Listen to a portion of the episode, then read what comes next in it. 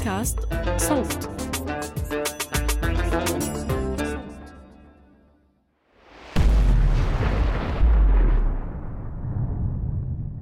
وائل ونحن نشاهد هذه الصور بعد فتح البوابة إنما وقوف قوات الأمن المصرية سدا أمام النسوة التي حاولنا الدخول إلى الجانب المصري من معبر رفح. ونحن في 23 يناير كانون الثاني سنة 2008 بيطلع صوت انفجار كبير في جنوب قطاع غزة.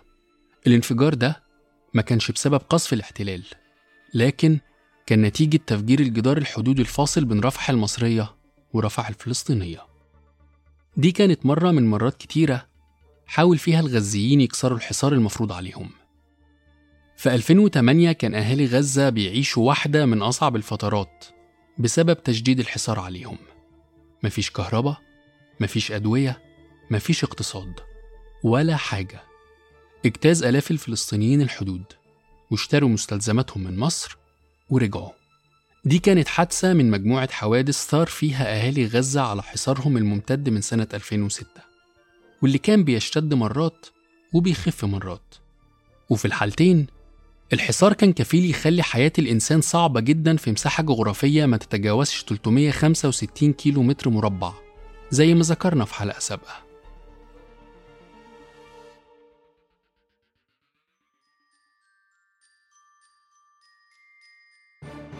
أهلا بيكم في حلقة جديدة من السلسلة الخاصة عن فلسطين. حلقات بننشرها على بودكاست قصص من فلسطين. ومعاكم أحمد إيمان زكريا من فريق صوت. بنشارككم في السلسلة دي معلومات أساسية عن قطاع غزة. ربما أصبحت غايبة عن البعض. معلومات يمكن ضاعت وسط تفاصيل الحروب المتوالية ضد القطاع. تفاصيل مرهقة. خلتنا ننسى أحيانا إن البديهيات هي جذر القضية ونقطة انطلاقها. في السلسلة دي بنوثق تاريخ القطاع والحصار اللي بيتعرض له من عقدين تقريبا والأدوار الدولية والإقليمية تجاه قطاع غزة سواء بدعمه أو زيادة التضييق على سكانه على حرية الحركة وإدخال المساعدات الإنسانية. في حلقة النهاردة هنحكي أكتر عن حصار غزة وإزاي عاش الفلسطينيين أوضاع غير إنسانية ومأساوية لمدة 17 سنة.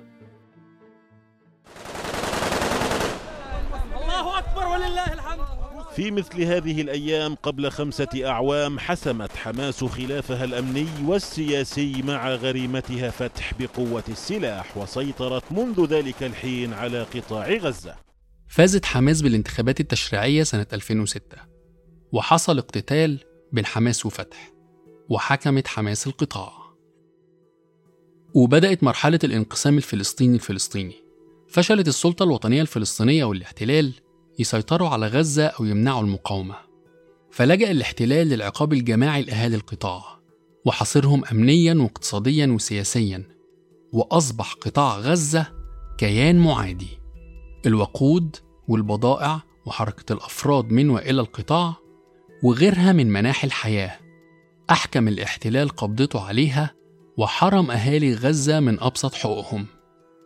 ولما اتأثر جلعاد شليط على إيد حماس الاحتلال وشركائه اتجننوا وسخروا أدنى الوسائل عشان يخنقوا غزة.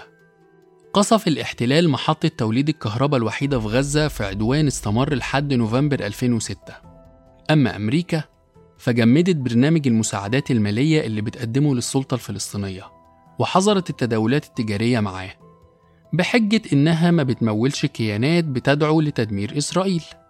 مع إن أمريكا مدركة إن السلطة ملهاش مصلحة بتدمير إسرائيل لأن السلطة على خلاف شديد مع حماس.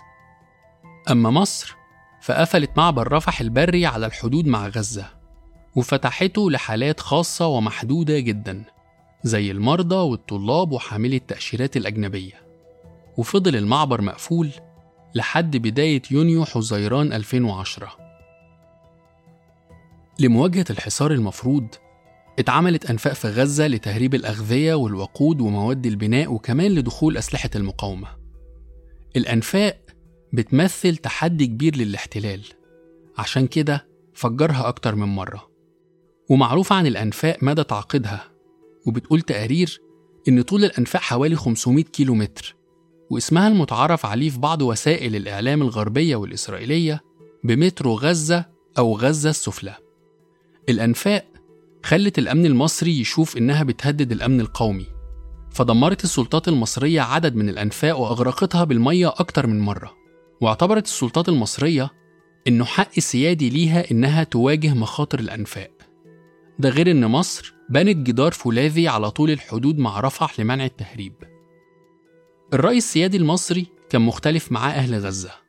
نحن حتى الآن نناشد الإخوة المصريين أن يتوقفوا عن هذا المشروع الخطير الذي يهدد حياة السكان الفلسطينيين. وإذا استمروا في هذا يعني سنلجأ إلى كل الطرق ما فيها الطرق القانونية والدولية كمان لوقف هذا المشروع الخطير. اقتصاد غزة اعتماده الرئيسي على الإنفاق الحكومي ومفيش استثمارات ضخمة بتحصل في أي قطاع غير قطاع البناء. الصيد واحدة من أقدم وأهم المهن في غزة. لكن أصبحت من أخطر المهن وما بقاش لها مردود مادي كويس. ليه؟ لأن الاحتلال بيحرم الصيادين من 50% من مناطق الصيد بحسب اتفاقية أوسلو وبيهاجمهم وبيضيق عليهم في المنطقة المسموح ليهم فيها بالصيد وبيمنعهم من الصيد جزئيا أو كليا حسب مزاجه. سنة 2019 لوحدها قلص الاحتلال منطقة الصيد تسع مرات على الأقل. وإسرائيل بتسيطر على 85% من مياه الصيد.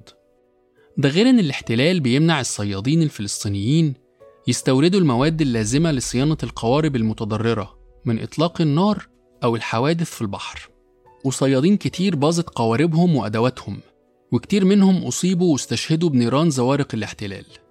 في عشرين سنة تقريبا انخفض عدد الصيادين من 10000 ل 3600 بنسبة 65% و90% من الصيادين في القطاع بيعيشوا تحت خط الفقر. فرحتي وحلمي الوحيد إني أعلى لفوق وأطير بس جناحاتي والحياة ملهاش كبير. على مستوى الزراعة الاحتلال بيخنق المزارعين الغزيين بكل مراحل الإنتاج بدءا من حظر العمل في 35% من الأراضي مرورا بمنع دخول المواد والمستلزمات الزراعية. أشكال المنع والتدمير والحصار ده اتسبب في تلف 80% من المحاصيل سنة 2016 وانتهى الموضوع بحرمان غزة من تصدير منتجاتها الزراعية للضفة الغربية حتى. وطبعا مش هننسى الدمار اللي بيتسبب فيه العدوان المتكرر على غزة واللي سبب خسائر بقيمة 1.3 من عشرة مليار دولار في القطاع الزراعي بين سنوات 2006 و2022 ده بالنسبة للمهن التقليدية في غزة. طيب هل سلمت القطاعات الاقتصادية التانية؟ قطعا لا. الإغلاق الإسرائيلي أدى أيضا إلى تراجع مؤشرات الأداء الاقتصادي حيث كان قطاع غزة يساهم في المتوسط بنحو 44% من الناتج المحلي الإجمالي. الاستثمار الاستيراد المقاولات. قطاعات دمرها الاحتلال بحصاره. سلطات الكيان الصهيوني بتدمر البنية التحتية لغزة سواء المباني أو شبكات المية والكهرباء والصرف الصحي. مش بس التدمير لأ ده كمان سلطات الاحتلال بتعيق إصلاح البنية التحتية أو إعادة إعمارها من خلال القيود اللي بتفرضها على المواد اللي بتدخل القطاع. فمثلا لفترات طويلة تم منع دخول الأسمنت والحديد والأسمنت الرمادي والأبيض. وقضبان الحديد وغيرها من المواد اللي بيعتبرها الاحتلال مزدوجة الاستخدام يعني بتجمع بين البناء والأغراض العسكرية. الاحتلال كمان بيقنن الحرمان من خلال آلية اسمها آلية إعادة إعمار غزة أو Gaza Reconstruction Mechanism GRM والآلية دي بينسق فيها الاحتلال مع السلطة الفلسطينية والأمم المتحدة. وبتديله صلاحية يتحكم في مخططات البناء. الاحتلال بيدعي إنه من ساعة بداية تطبيق آلية إعادة الإعمار في 2017 وإنه دخل ملايين الأطنان من مواد البناء للقطاع وترمم أكتر من 100 ألف وحدة سكنية. ادعاء الاحتلال الرد عليه هو إن آلية إعادة الإعمار بتتم في سياق استيطاني لخدمة السياسة الإسرائيلية الإحلالية وبهدف تقويض قدرات المقاومة. إضافة إلى إن إعادة الإعمار مقتصرة على المباني ومش بتتطرق للإعمار بالمعنى السياسي وتحجيم إسرائيل في ممارساتها اللي بتحاصر بيها القطاع. في غزة لا صوت يعلو على هدير مولدات الكهرباء. الناس في غزة يبحثون صباح مساء عن بدائل ممكنة للطاقة. آخر الابتكارات التي ظهرت هي اعتماد الناس على خلايا شمسية في توليد الكهرباء. بدنا كهرب. شعار رفعه متظاهرين سنة 2017 الكهرباء في غزة بتقطع بمعدل 12 ل 20 ساعة في اليوم. إيه السبب؟ ببساطة لأن حكومة حماس مش عارفة تسيطر على المعابر. وبيتحكم الاحتلال بإمدادات الكهرباء لغزة ودخول الوقود للضغط على حماس وأهل غزة. التيار ما بيغطيش 41% من الاحتياج اليومي للكهرباء في القطاع. من ناحية تانية السلطة الفلسطينية بتشارك في عقاب حماس بقطع الكهرباء عنها. محطة الكهرباء في غزة اتقصفت في 2006 و2014 وفي أكتوبر 2023 نفد الوقود اللازم لتشغيلها بسبب منع دخوله. بالمناسبة الوقود اللي بيشغل محطة الكهرباء ممول من قطر. من أسوأ تبعات أزمة الكهرباء تأجيل العمليات الجراحية غير الطارئة. الغزي بيستنى بمعدل 16 شهر لإجراء العمليات بسبب نقص الكهرباء في المستشفيات. وبسبب نقص الكهرباء كمان الوصول للمية بقى شحيح بسبب القصف المتكرر لشبكات المية ومنع وعرقلة تأسيس بنى تحتية لتنقية مية الصرف الصحي. الوضع ده خلى 97% من المية الجوفية في غزة غير صالحة للاستهلاك الآدمي. فبيضطر الغزيين يعتمدوا على تمديدات المية من الاحتلال من شركات إسرائيلية. حصة الفرد من المياه العذبة في غزة هي خمس الحصة الموصى بها عالميا وعائلات القطاع بتصرف أكتر من ربع دخلها على شراء مياه جودتها قليلة. في حين حصة الإسرائيلي بتعادل ثلاث أضعاف الاحتياج الموصى بيه. والاحتلال مش بس بيدمر البنية التحتية للمية في غزة. لا ده كمان بيسرق المية الجوفية في غزة فبيحفر أبار بتحول المية اللي المفروض تروح لأهل غزة ويحولها للمستوطنات. في الحرب الحالية على غزة شفنا قادة جيش الاحتلال بتنشر بكل فخر مقطع فيديو بتقفل فيه محبس المية اللي بيورد المية لغزة. ده غير فيديوهات المؤثرين الإسرائيليين وهما بيفتحوا المية في بيوتهم وبيسخروا من معاناة الفلسطينيين. بحسب وكالة الأمم المتحدة لإغاثة وتشغيل اللاجئين الفلسطينيين المعروفة باسم أونروا الناس في غزة مهددة بالموت جفافا والأمراض اللي بتسببها المية اللي مش نظيفة بدأت تنتشر بين الأطفال. وحاليا بنشوف طوابير من العائلات بتقف على براميل المية اللي بتزودها الأونروا واللي ما بتكفيش أبدا. التقارير بتقول إن 4% بس من أهل غزة بيوصل لهم مياه شرب نظيفة. دعونا نسأل الأستاذ عدنان أبو حسنة وأنت المستشار الإعلامي للأونروا أستاذ عدنان هناك معاناة. نحن نرى الناس نيام على الأرض. لماذا؟ وما هي المساعدات التي ستقدمها الأونروا لهؤلاء النازحين؟ مع الحصار وتدمير الاقتصاد بتنعدم فرص التوظيف. مستويات البطالة في غزة من بين الأعلى في العالم. وعشان نشوف حجم قلة الفرص في غزة ممكن نفتح موقع وزارة العمل في غزة وهنلاقي في أول الصفحة من فوق شريط التقديم على تصاريح العمل في الداخل المحتل. الحياة في غزة غالية مقارنة بالأجر اليومي اللي بيعادل 3 دولار وبالتالي بيلجأ الشباب الغزاوي لتقديم تصاريح العمل في مستوطنات إسرائيلية في الداخل. وصدور تصريح العمل بيتطلب شروط كتيرة وفحوصات أمنية دقيقة من قبل جهاز الأمن الداخلي المعروف باسم الشباك. الاحتلال في الواقع مستفيد من تشغيل الغزيين لأنه بيكسب عمالة رخيصة في مستوطناته. أجر العامل الفلسطيني أقل من تلت أجر العامل الإسرائيلي اللي غالبا مش هيشتغل في أعمال خطرة وصعبة. فبيعتمد على الفلسطيني في أعمال زي البناء والتنظيف وقطف المحاصيل وغيرها. وفعلا اللي عم بصير على الحدود في هبة العودة المقاومة الشعبية السلمية. طب كويس. طب ليش ما قلت أن المقاومة الشعبية السلمية قالوا جاسوس؟ ما نفس الشيء أنا بحكي المقاومة الشعبية السلمية. أنا رأيي أنه هذه هي الطريق الوحيد المتاح. أهالي غزة اتحاصروا من الاحتلال والدول الشقيقة. واتحاصروا كمان من السلطة الفلسطينية اللي كانت مستعدة تفرض عقوبات على خصمها السياسي حكومة حماس. حتى لو ده هينعكس على حياة المواطنين في غزة. سنة 2017 فرضت السلطة الفلسطينية إجراءات عقابية على قطاع غزة بعد ما شكلت حماس اللجنة الإدارية لإدارة قطاع غزة. العقوبات تمثلت في خصم رواتب موظفي السلطة اللي فضلوا في غزة بعد الانقسام السياسي بين حماس وفتح. عدد الموظفين 62 ألف موظف. ده غير إن السلطة أحالت 26 ألف موظف للتقاعد المبكر. وساهمت في وقف التحويلات الطبية للمرضى للضفة والقدس والداخل والأردن ومصر. لأن القطاع الصحي في غزة ما يقدرش يغطي الاحتياج لحوالي 2 مليون مواطن. ده غير إن السلطة جمدت نقل التحويلات المالية وحظرت تحويل الأموال للأفراد عبر البنوك ووقفت التمويل للمؤسسات والجمعيات الخيرية وفرضت ضرائب القيمة المضافة على السلع وضريبة على وقود محطة تشغيل الكهرباء. ووقفت الموازنات التشغيلية للمرافق الحكومية وأهمها المستشفيات وقطعت رواتب الأسرى والمحررين وخصمت مخصصات أهالي الشهداء ومخصصات أعضاء المجلس التشريعي بالإضافة لحرمان مئات الأسر محدودة الدخل المسجلين في برامج المساعدات عبر الشؤون الاجتماعية من الدعم.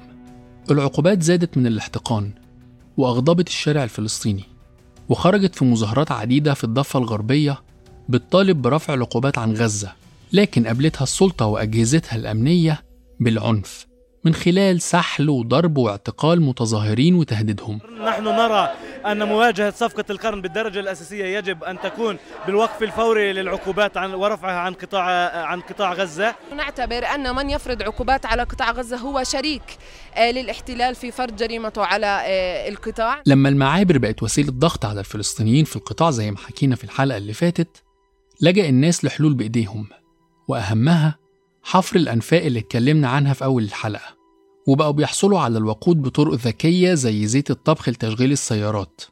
بس كمان محاولات كسر الحصار كانت بتيجي ساعات من بره غزة لكن الاحتلال كالعادة كان بيواجهها بعنف زي محاولة الإغاثة اللي جت مع أسطول الحرية سنة 2010 على قافلة مافي مرمرة من تركيا الرحلة دي كانت من أكبر وأشهر رحلات التضامن والإغاثة لغزة وكان مشارك فيها 581 ناشط معظمهم أتراك وكان فيها 10,000 طن من مواد الإغاثة والمساعدات الإنسانية.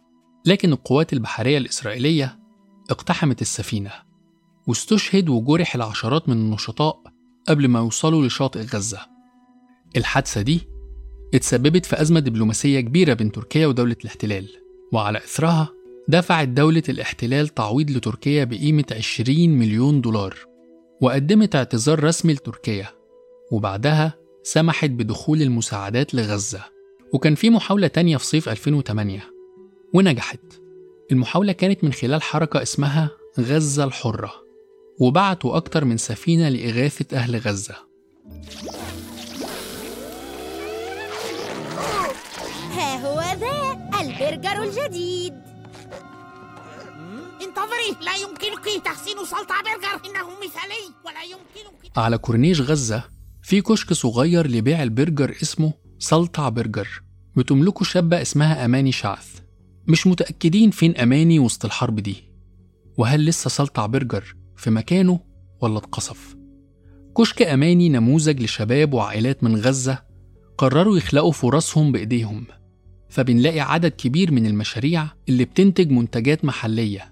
زي الصابون والتحف والمجوهرات وبنلاقي عائلات بأكملها بتعتمد على إعادة تدوير النفايات زي أكياس البلاستيك لإنتاج البسط أو السجاجيد لدرجة بقى في مصنع كامل في غزة بينتج البسط دي أو إعادة تدوير قصاصات الورق المقوى لتصنيع الألعاب. وناس بيعيدوا تدوير النفايات لإنتاج مواد خام بيستخدموها في البناء. مبادرات كتير بتخلي الناس صامدين ومأمنين أقل متطلبات الحياة. أنا للطريق.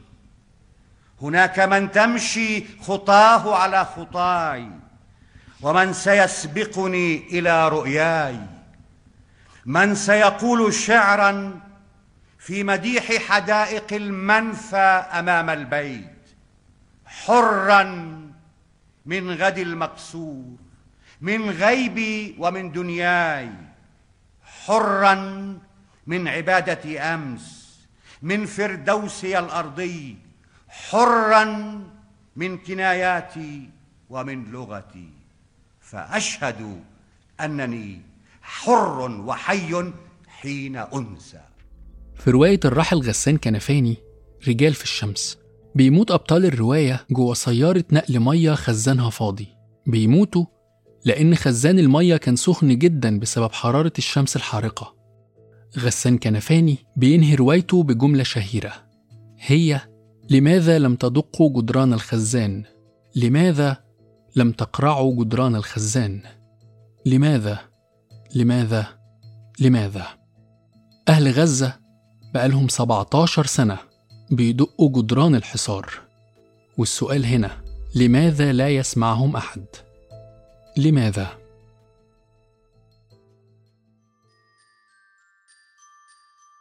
في الحلقة الجاية هنتكلم معاكم عن الأدوار الإقليمية المؤثرة في الوضع داخل القطاع. كنت معاكم من التقديم والإنتاج والتحرير أحمد إيمان زكريا. من الكتابة سارة أبو الرب. من البحث روان نخلة. تدقيق المعلومات روان سممرة والهندسة الصوتية لحسام علي. فريق النشر والترويج بيان حبيب وعمر خطاب. قصص من فلسطين بودكاست من إنتاج صوت.